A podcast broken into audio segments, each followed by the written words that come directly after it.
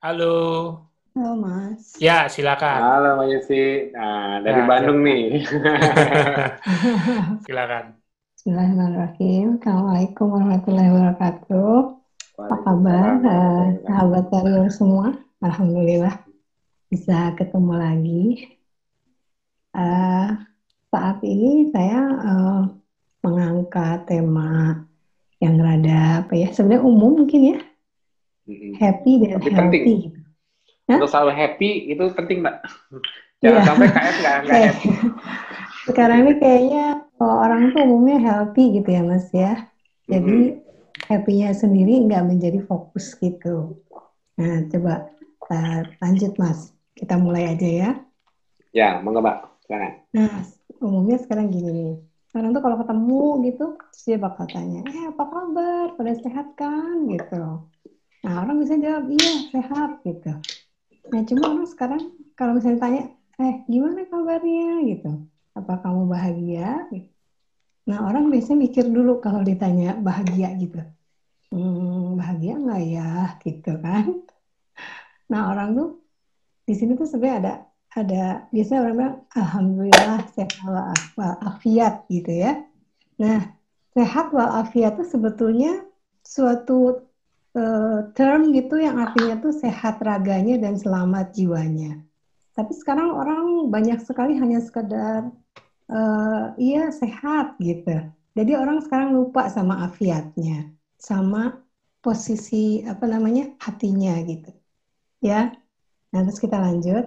Nah, kalau misalnya kita merasa sehat iya, tapi merasa bahagianya tuh seringnya nggak yakin gitu. Nah, kira-kira dalam 10 tahun kemudian tuh apakah masih tetap sehat gitu? Kira-kira gitu. Nah, apakah kita memang bisa nih mencapai sehat walafiat itu 10 tahun lagi gitu? Nah, oke ya, kita lanjut. Nah, sekarang sebenarnya kita bakal eh, cek gitu kita ukur sebenarnya kondisi diriku saat ini seperti apa ya gitu. Jadi kita lihat karena ukurannya secara sehat, maka kita dari tidak sehat menjadi sehat. Dan juga kita ukur juga kondisi eh, kejiwaan kita. Kita ini sebenarnya bahagia atau nggak begitu bahagia, sering bahagia atau sering nggak bahagianya. Jadi sebenarnya kita ukur gitu kondisi kita saat ini. Nah, kemudian kita akan lihat gitu bahwa karena kita memang misalnya sekarang umurnya berapa nih gitu di usia 40 tahun gitu ya. Atau 20 tahun, 30 tahun, kita akan tahu bahwa kita tuh akan punya usia sampai tua gitu kira-kira di usia 60 tahun. Kalau saya sekarang gitu misalnya di antara saya ini 50 tahun gitu sekarang ya. Terus eh, kira-kira 10 tahun lagi seberapa sehat dan seberapa bahagia ya nanti. Nah, kita tuh eh, bisa nggak ya kita ukur hal itu? Nah, lanjut. Nah, ternyata kita itu kita lihat keinginannya aku saat ini tuh hatinya bahagia, badannya tuh sehat, gitu. ya. Tapi kenyataannya kok hati tuh sering nggak bahagia, gitu ya? Atau eh, kemudian dan efeknya adalah badannya tuh ya juga sering sakit, gitu. Jadi se- nggak secara ini sehat, gitu, tapi sering sakitnya juga. Nah, berarti ini kok antara keinginan sama kenyataan tuh kok bisa beda gitu. Nah, ini sebenarnya eh, gimana nih hubungannya antara keinginan sama kenyataan? Nah, kalau kita ngelihat bahwa kenyataan kita saat ini itu merupakan hasil. Itu adalah hasil dari tindakan. Nah, kita mesti perhatikan bahwa tindakan itu sebetulnya selalu selaras dengan hasil. Kalau kita sebutnya kalau di KF itu ikhtiar tidak pernah mengkhianati hasil. Nah, jadi sebetulnya memang ini sebuah sudah berlaku gitu hukum universal yang mengatur tentang ini yang kita katakan bahwa antara tindakan dan kenyataan itu selalu selaras. Nah, kita lihat ini hukumnya. Terus, nah, ini keselarasan antara perbuatan dan hasil itu sudah ditetapkan oleh Allah di dalam surat Al-Isra. Jika kamu berbuat baik, berarti kamu berbuat baik untuk dirimu sendiri. Jadi artinya akan memperoleh hasil yang baik. Dan jika kamu berbuat buruk, maka akibat buruknya itu bagi dirimu juga. Nah, ini perbuatan baik, maka hasilnya baik, perbuatan buruk, hasilnya buruk. Nah, ini adalah hukum sebab akibat, sub, uh, hukum antara perbuatan dan hasil yang berlaku universal. Jadi ini tuh pasti ada kepastian antara perbuatan dan hasil, antara tindakan dengan kenyataannya. Oke, lanjut. Kalau begitu, kita lihat. Nah, eh, kenapa kok bisa antara keinginan sama kenyataannya beda? Nah, ini sebenarnya kita lihat dulu nih. Manusia itu eh, terdiri dari dua entitas yang sangat bertolak belakang sifatnya. Jadi yang kalau kita lihat bahwa manusia itu ada ada sosoknya yang nyata, yang kita sebut raga. Ini adalah kita bisa sensing dengan lima indera kita, bisa kita pegang, kita lihat gitu ya, kita apa namanya bawi gitu. Jadi itu memang benda yang kalau kita bilang dia kasar dan keras. Gitu. Itu adalah raga. Nah, sementara kita punya satu uh, bagian yang lain yang disebut uh, jiwa, itu adalah bagian yang halus dan lembut. Gitu ya, yang jadi ini dua di dalam satu. Nah, kita akan lihat sebetulnya gimana sih hubungan antara jiwa sama raga nih gitu. Nah, ternyata kita akan tahu bahwa sebetulnya manusia itu kan terdiri dari dua ya, jiwa dan raga. Tapi sebetulnya manusia itu yang diciptakan pertama kali adalah jiwanya. Jadi pada saat jiwanya itu diturunkan ke dunia, dia diberikan raga. Gitu ya. Jadi raga itu merupakan alat bantu bagi jiwa. Untuk nah, diri kita ini meraih kesuksesan tugas di dunia kita sebagai manusia ini ada penugasannya khusus setiap orang di dunia dan kita dibantu oleh raga. Nah, kita lihat bahwa kekuatan jiwa itu ada di hatinya. Sementara kekuatan raga itu ada pada otaknya. Nah, karena hal ini kita harus ingat dua hal sebetulnya. Bahwa jiwa adalah pemimpin raga. Dan hati akan mengendalikan pikiran ini sebetulnya sebuah hukum yang eh, berlaku. Jadi kalau kita lihat uh, jiwa itu akan selalu memimpin raga. Itu intinya. Dan hatilah sebetulnya pengendali pikiran. Nah, kalau kita melihat tadi, kita melihat bahwa kenyataannya apa yang kita lihat itu adalah merupakan hasil dari tindakan, ya. Dan tindakan itu adalah upaya untuk mewujudkan keinginan. Keinginan itu adanya di mana gitu. Sebetulnya keinginan itu adanya di hati. Jadi apa yang diinginkan di hati itu pasti akan mewujud menjadi kenyataan. Tindakan itu selalu akan mewujudkan keinginan di dalam hati. Nah, kalau ternyata antara keinginan dan kenyataan, kok beda ya? saya inginnya sih sehat gitu. Tapi kok jadinya sakit. Saya sih pengennya bahagia gitu. Tapi kok tahu-tahu jadinya uh, seringnya tuh nggak happy malah gitu ya. Nah sebenarnya ini uh, kita melihat bahwa antara keinginan, tindakan dan kenyataan ini sebetulnya adalah sesuatu yang selaras gitu. Kita bilang kalau kenyataan itu tidak akan pernah mengkhianati tindakan. Dan tindakan itu adalah upaya untuk mewujudkan keinginan. Jadi sebetulnya antara keinginan, tindakan, dan kenyataan itu merupakan sebuah garis lurus. Nah, di sini keselarasan antara keinginan, tindakan, dan kenyataan. Jadi keinginan sebetulnya dia adalah kita sebut bibit gitu. Kemudian kita tindak, kemudian kita tanam, dan akhirnya kita mendapat hasil gitu ya. Nah, kalau kita menanam sesuatu yang baik, tadi kita bilang positif, nah kemudian kita tindakan kita pasti akan akan baik gitu dan hasilnya akan positif. Jadi kalau misalnya kita bilang kita ingin bahagia, kita tuh tahu bahwa bahagia itu kita pasti harus ada aturan yang diikuti sehingga hasilnya akan sehat. Nah, tapi kalau kita sakit, kita tahu bahwa sakit itu pasti hasil dari perbuatan-perbuatan negatif. Karena hukumnya di atas seperti tadi, bahwa hasil itu hasil negatif itu dari tindakan-tindakan negatif. Berarti kalau kita sakit, itu sudah pasti hasil dari pelanggaran aturan-aturan. Jadi pelanggaran terhadap aturan. Nah kalau begitu, kita bilang sebenarnya dia punya keinginan apa gitu. Ya, keinginannya gitu kalau gitu bukan bahagia dong kalau kita bilang aku inginnya bahagia tapi sakit berarti kan ini nggak match antara keinginan sama kenyataan kalau gitu sebetulnya kalau dia sakit gitu ya kita akan lihat bahwa tindakannya itu melanggar aturan dan sebenarnya punya keinginan apa gitu di balik itu oke ya jadi kita lihat keinginan sebenarnya sebenarnya apa dia nah kita sebenarnya kalau melihat kalau kita mau kita sudah tentukan sebetulnya sehat itu apa sih gitu ya. Nah, sehat itu secara umum adalah kondisi tubuh yang organ-organnya berfungsi dengan baik sesuai peruntukannya. Dia akan bekerja dengan benar dan hasil kerjanya baik. Dan ini syaratnya dua, tanpa makan obat dan tanpa bantuan alat. Itu adalah sehat. Jadi kalau misalnya saya pakai misalnya tangan saya, tangan saya ini untuk mengganti. Saya bilang kalau saya pegang ini dan dia nggak jatuh, berarti tangan saya berfungsi dengan benar gitu, bekerja dengan baik dan hasilnya dia nggak jatuh. Itu adalah artinya bahwa tangan saya itu berfungsi dengan baik sesuai dengan peruntukannya untuk menggenggam gitu kan.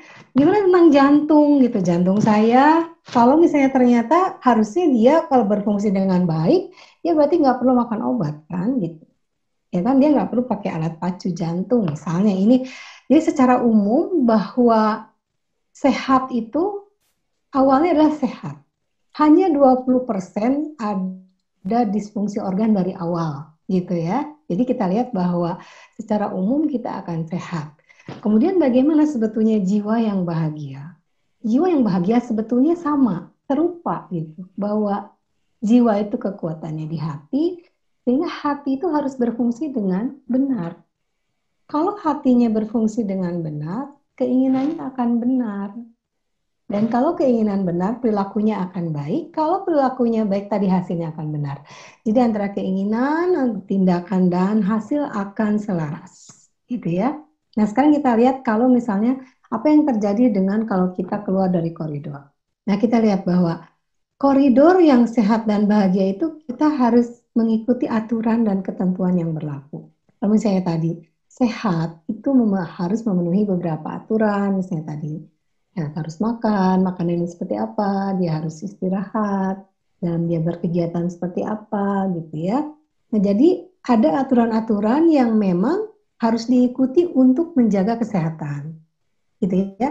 Dan biasanya kita kalau misalnya sampai sakit, berarti dia ada yang kurang, ada kekurangan dari persyaratan yang harusnya dipenuhi. Gitu juga kalau misalnya tadi bahagia, bahagia juga sama gitu. Sebenarnya dia kurang apa sehingga dia nggak bahagia, gitu kan? Jadi sebetulnya kalau kita mengikuti aturan dan ketentuan yang berlaku, kita pasti akan sehat dan bahagia. Itu. Jadi kalau misalnya kita kekurangan atau kelebihan, itulah yang membuat kita bilang keluar dari koridor itu bisa kurang, bisa berlebih gitu. Itu yang kita bilang e, tidak lagi di dalam aturan. Nah sekarang e, kalau ternyata kenyataannya bahwa badan kita sering tidak sehat, kita akan cek sebenarnya keinginannya apa sih gitu. Apakah keinginan yang sebetulnya dimiliki oleh jiwa yang akibatnya membuat badan sering tidak sehat. Benarkah yang diinginkan itu bahagia? Gitu ya. Kan harusnya kalau bahagia sehat ya. Tapi kok ini uh, dia sering sakit, berarti apa tuh yang diinginkannya? Ya. Nah, kita lihat sebetulnya manusia itu cuma punya dua keinginannya. Satu itu adalah kebahagiaan dan dua itu adalah kesenangan. Nah sekarang ini banyak sekali kita itu mencampur adukan gitu antara kebahagiaan sama kesenangan. Kita tidak bisa secara clear melihat bahwa aku tuh pengen bahagia, tapi sebenarnya yang dia kejar-kejar kesenangan gitu. Sehingga akhirnya kalau kita lihat gitu, kita lihat bahwa sebetulnya kesenangan itu apa sih gitu? Kita punya uang banyak, kita punya jabatan tinggi gitu misalnya gitu ya. Terus misalnya orang apa anak kita baik, suami kita tuh apa setia gitu ya, misalnya kesehatan kita tuh prima. Kemudian hal-hal seperti ini itu adalah hal-hal yang kita bilang di luar kendali dari diri kita. Kita nggak bisa atur bahwa uang kita selalu banyak, kita selalu menjabat gitu ya. Kita juga nggak bisa bahwa anak kita tuh selalu baik gitu kan jadi kita itu sebetulnya faktor-faktor yang di luar kendali kita itu namanya kesenangan.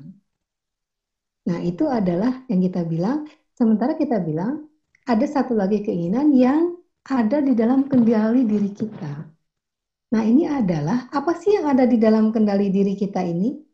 Di dalam kita itu tadi punya dua kekuatan, yaitu ada hati dan ada pikirannya.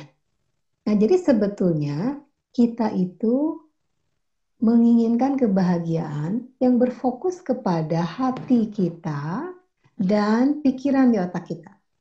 Itu yang sebetulnya ada di bawah kendali kita. Nah, sekarang kita lihat apa yang terjadi berikutnya.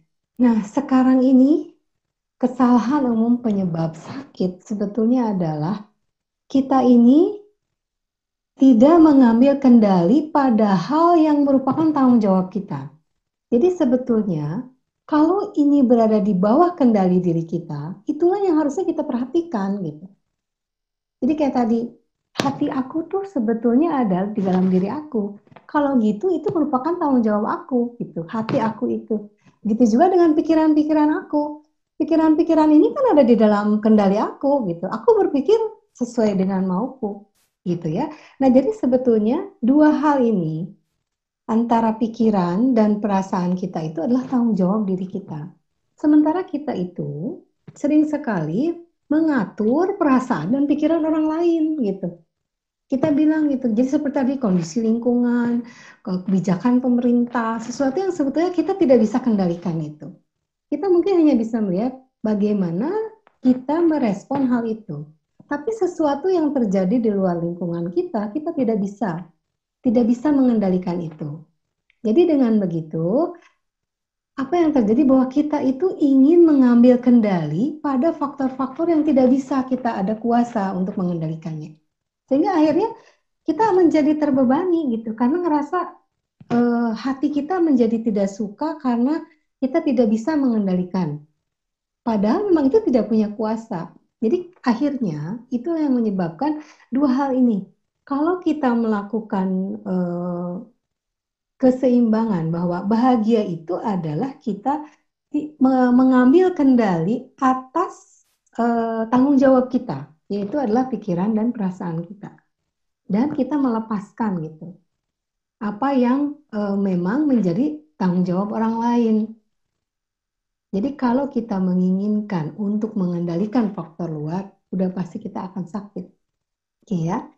Nah, sekarang kalau kita melihat bahwa jiwa itu keinginan yang benar itu adalah bahagia. Kenapa dia seharusnya menginginkan kebahagiaan? Karena kebahagiaan itu berada di dalam kendali dia. Sesuatu yang berada di dalam kendali dia itu sebenarnya harusnya tenang dia, gitu ya. Kalau dia hatinya tenang, maka tindakannya akan benar dan raganya akan sehat, gitu kan? Nah, kalau dia keinginannya salah, dia tadi karena yang dia lakukan itu adalah dia meraih kesenangan yang merupakan faktor luar, di luar kendali dirinya, makanya hatinya jadi sering gelisah gitu. Karena dia ngerasa dia menginginkan sesuatu yang tidak tidak mampu dia kejar gitu. Udah pasti kan jadi hatinya sering gelisah. Kalau hatinya udah gelisah, pasti tindakan-tindakannya salah gitu. Kalau tindakannya salah, hasilnya pasti buruk. Jadi sebenarnya inilah yang kita bilang keinginan-keinginan kita itu yang menjadi kunci sebetulnya sehat atau sakitnya kondisi raga kita. Nah kemudian seperti ini contoh aja ya, contoh sederhana. Jadi jiwa itu pemimpin raga, itu adalah sebuah uh, hukum yang berlaku. Jadi jiwa pemimpin raga tadi hati kemampuan jiwa itu mengendalikan pikiran. Kita lihat bahwa kita punya keinginan secara umum orang tua itu ingin mengendalikan anak. Anak-anak itu inginnya baik, anak-anak itu inginnya nurut gitu ya. Sementara kita lihat anak itu faktor luar yang sebetulnya tidak bisa kita kendalikan walaupun kita orang tuanya. Anak itu punya keinginan sendiri gitu ya. Anak itu punya masalahnya sendiri, tantangannya sendiri yang berbeda sama orang tua. Sehingga sebetulnya kita tidak bisa mengendalikan dia. Kamu harus begini, kamu harus begitu gitu. Nah itu sebenarnya kita nggak bisa.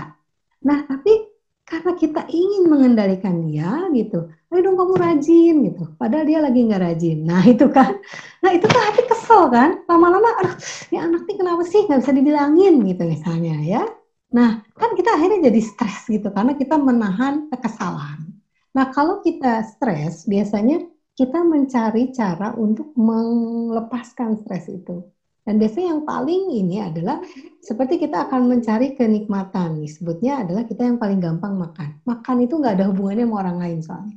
Jadi makan itu sesuatu yang memang urusannya sama diri kita sendiri. Jadi kita biasanya ambil makanan. Dan tadi hati kita yang gelisah ini dia akan mencari sesuatu yang memang sesuai. Nah otak tuh bakal nyari. Otak tuh bakal nyari makanan apa nih yang cocok untuk orang yang stres gitu. Nah ternyata orang yang paling uh, makanan yang cocok dengan orang yang stres itu adalah makanan yang manis. Dan biasa dia bilang karena orangnya juga namanya lagi stres, dia tuh makan akan berlebihan. Jadi akhirnya asupannya udah manis ya, kemudian dia berlebihan, akhirnya kan jadi jadi kepada tubuh nggak nggak sehat.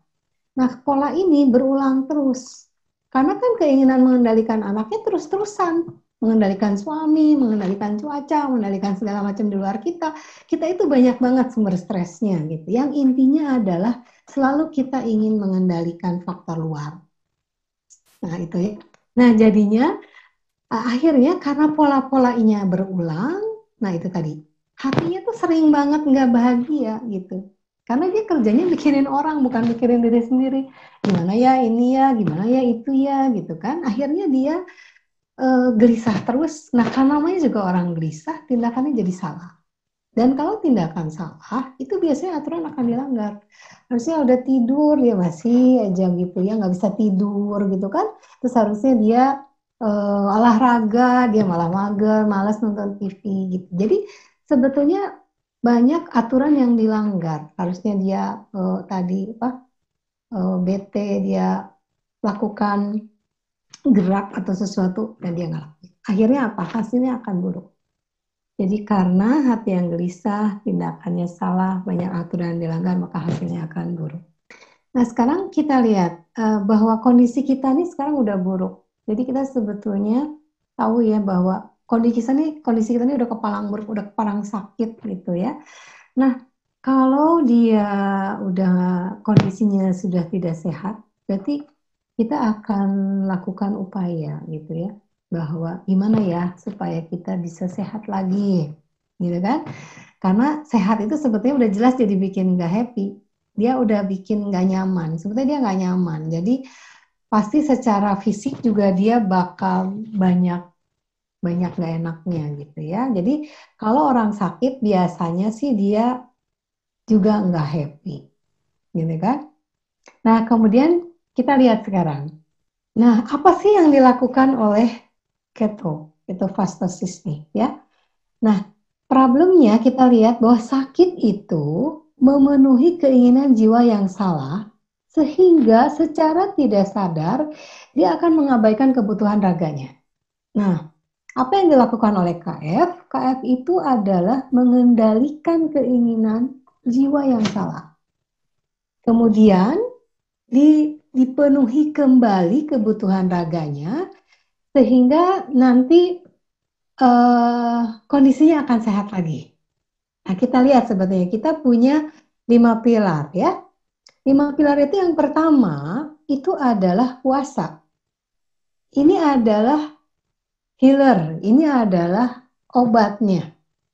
Kenapa? Karena sebetulnya yang, yang dia pegang itu adalah keinginannya.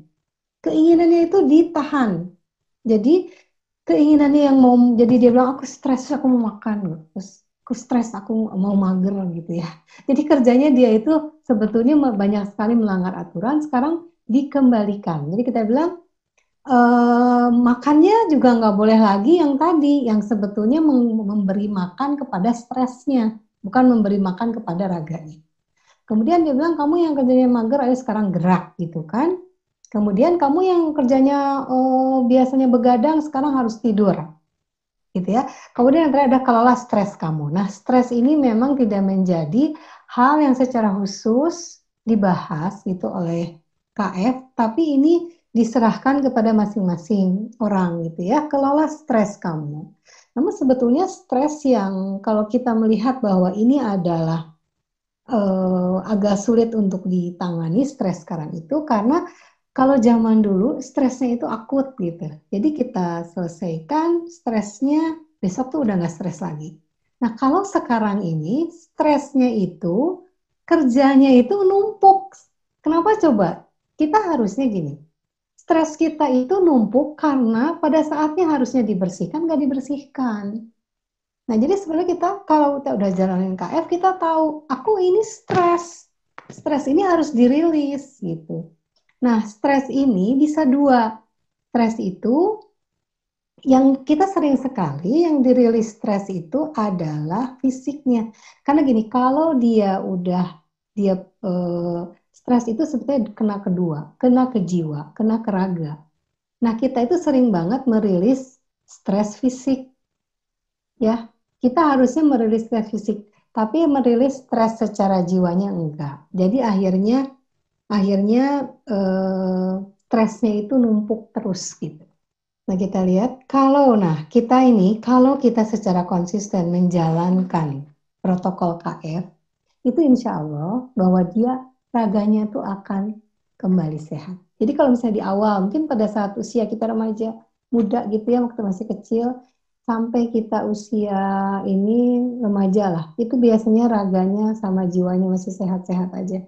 Tapi kalau kita udah masuk ke dunia nyata gitu ya, mungkin udah bekerja, udah menikah, itu biasanya kita itu udah mulai tuh.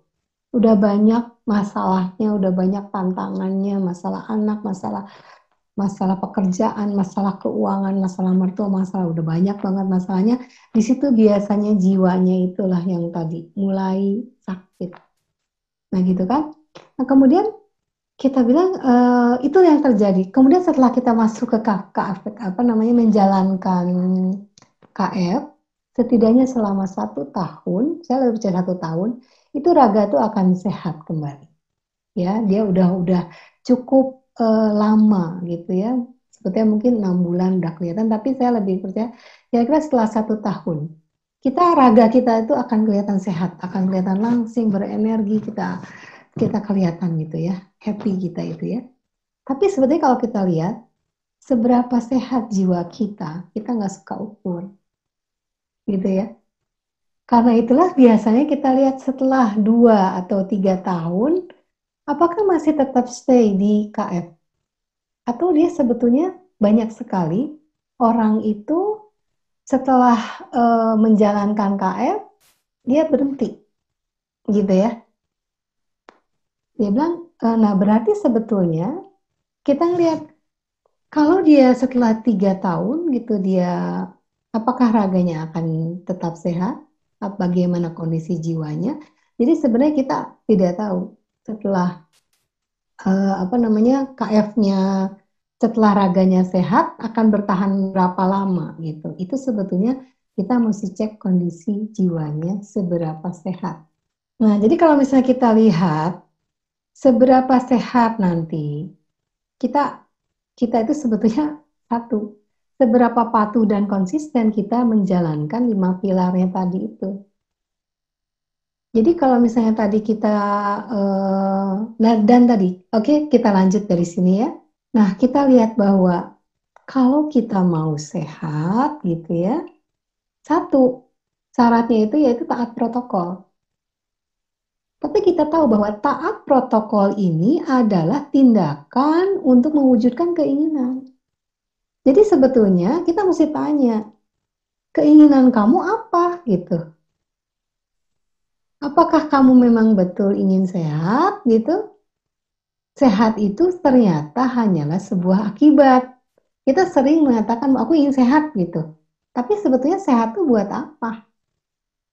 Jadi sebetulnya kalau kita ngelihat kita itu punya keinginan. Keinginannya inilah sebetulnya yang kita mesti pertahankan, gitu kan? Jadi kalau kita bilang keinginan kita itu, ya, uh, dengan dengan menjalankan KF, kita kita bagaimana caranya kita akan terus taat sama protokol, gitu kan?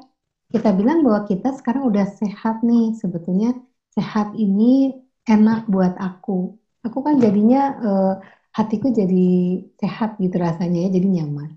Nah, cuma kita lihat bahwa kalau kita tidak mewaspadai keinginan kita, protokolnya itu tidak akan lagi sepenuhnya ditaati. Coba kita lihat terusnya. Nah, kita lihat ini. Bahwa sekarang kalau misalnya dalam banyak hal, bahwa kenapa sih KF itu kuncinya itu ada di puasa, gitu ya. Nah, puasa ini sebetulnya esensinya sangat luar biasa yaitu membangunkan kesadaran diri. Jadi kalau raga dipuasakan terus, jiwanya akan bangun sebetulnya gitu ya. Nah, kalau jiwanya bangun, hatinya akan berfungsi. Karena tadi, kalau jiwa itu berhubungannya sama hati. Nah, dia itu sekarang kalau dia di KF, kan dia dia puasakan. Ya, kemudian dia tuh, kita akan lihat sekali bahwa apa sih yang rasanya itu sekarang kita udah mulai merasakan, bisa merasakan bahwa kok nggak usah apa namanya tuh bisa merasakan alaminya makanan. Nah itu kita bilang, oh ternyata alpukat tuh rasanya kayak gini ya. Oh ternyata air aja ada rasanya ya. Gitu. Ini air digulain nggak sih? Kita kan sering gitu ya. Sebetulnya kita akan masuk bahwa rasanya itu bangun. Rasa kita itu sebetulnya uh, pulih kembali gitu. Jadi rasa kita itu itu adalah ciri bahwa jiwa yang bangun, ya.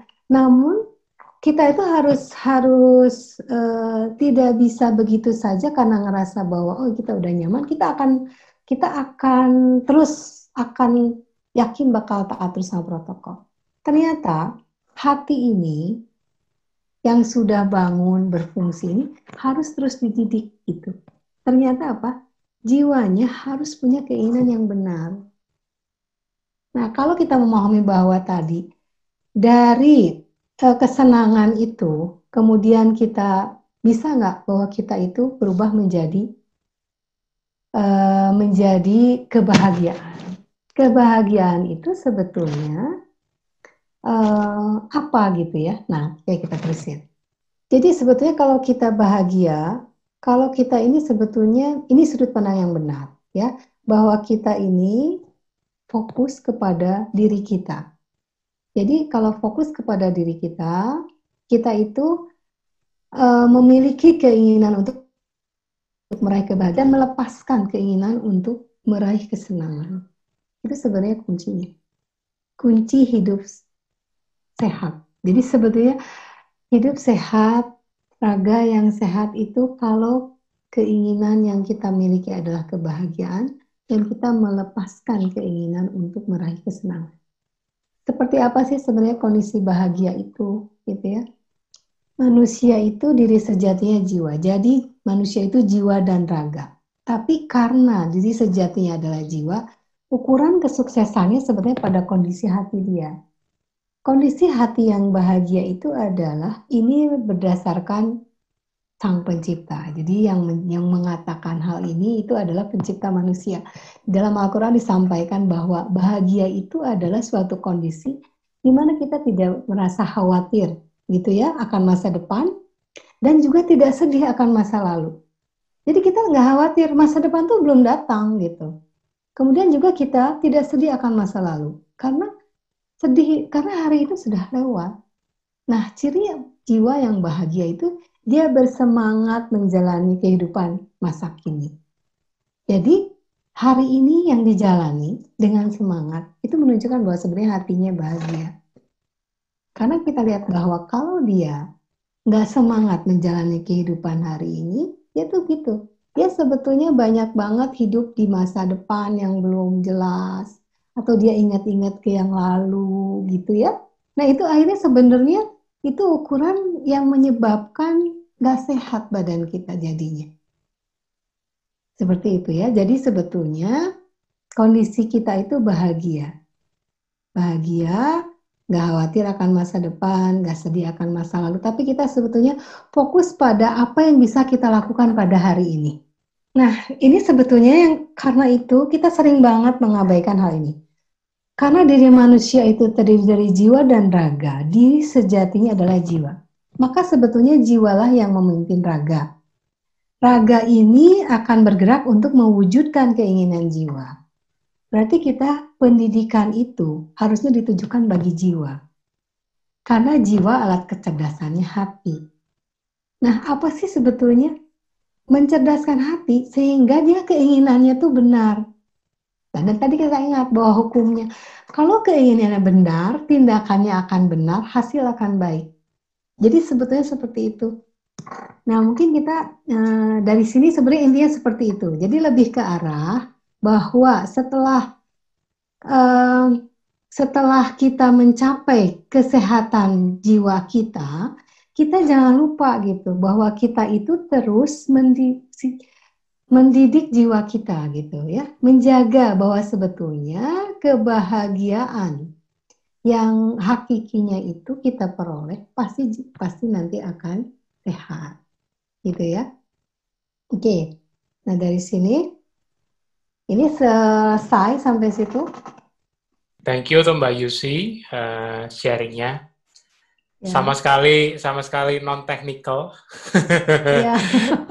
non-technicalnya udah banyak banget tapi, ya Mas. Jadi saya Tapi apa maksudnya? uh, tapi mengena. Nah, mengena banget gitu loh. Iya. Iya kan?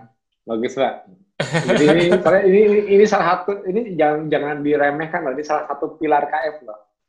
Justru yang mencari yang mencari ini, yang mencari pencerahan ini justru yang selama ini gula darahnya susah turun, tidurnya nggak bagus, karena ini salah satu faktor juga orang ribut GDP tapi nggak ada yang nggak ada yang mendalami hal ini padahal ini kan ini, ini langka loh cara cara hmm. untuk manajemen stres seperti ini, ini langka artinya uh, biasanya mencari solusi singkat minum obat penenang apa ternyata Mbak Yusi memberikan solusi-solusi cara dari sisi perspektif berbeda cara untuk mencapai ketenangan diri ternyata kuncinya saat ini tidak mikir masa lalu, tidak mikir yang belum tahu.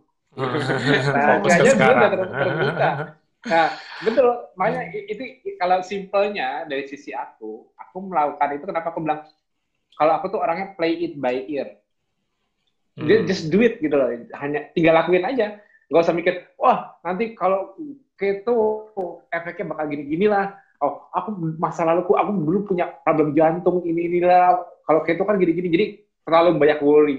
Hmm. Nah, hmm. mudah-mudahan ini juga bisa di, juga bisa dimanfaatkan bagi yang ada di grup GERD yang yang mungkin para mentor senior juga sering dijapri karena saat mereka engsi, mereka banyak ketakutannya. Nah, ini mungkin cara salah satu teknik yang bisa dipelajari untuk menjaga pilar KF karena ini penting banget sebetulnya hmm. walaupun hmm. katanya kelihatannya Eh, nggak uh, teknikal tapi ini sangat mendukung dari lima pilar Betul. yang yang jarang kesentuh malah ya Mas ya. Yang jarang kesentuh malah. Itu malah, malah ini malah aku baru ngeh juga. Iya ya, ternyata, ternyata yang sama ini aku lakukan tuh sebenarnya sama seperti Mbak Yusi bilang, aku play it by ear. Yang yeah. udah lalu-lalu, yang belum dapat belum tahu, ya kenapa kenapa mesti worry, walaupun kita harus ada prepare. Kuncinya kan cuma satu, ikhtiar. Entah yeah. bersiap kan terserah Allah. Tapi kan kuncinya diikhtiar dulu dan tenang. Jadi kalau kita mikirin cuma apa yang kita kerjakan sekarang dan do the best we can today, ya ya itu kuncinya always happy. always happy. Jangan sampai happy betul betul, keren keren. Okay.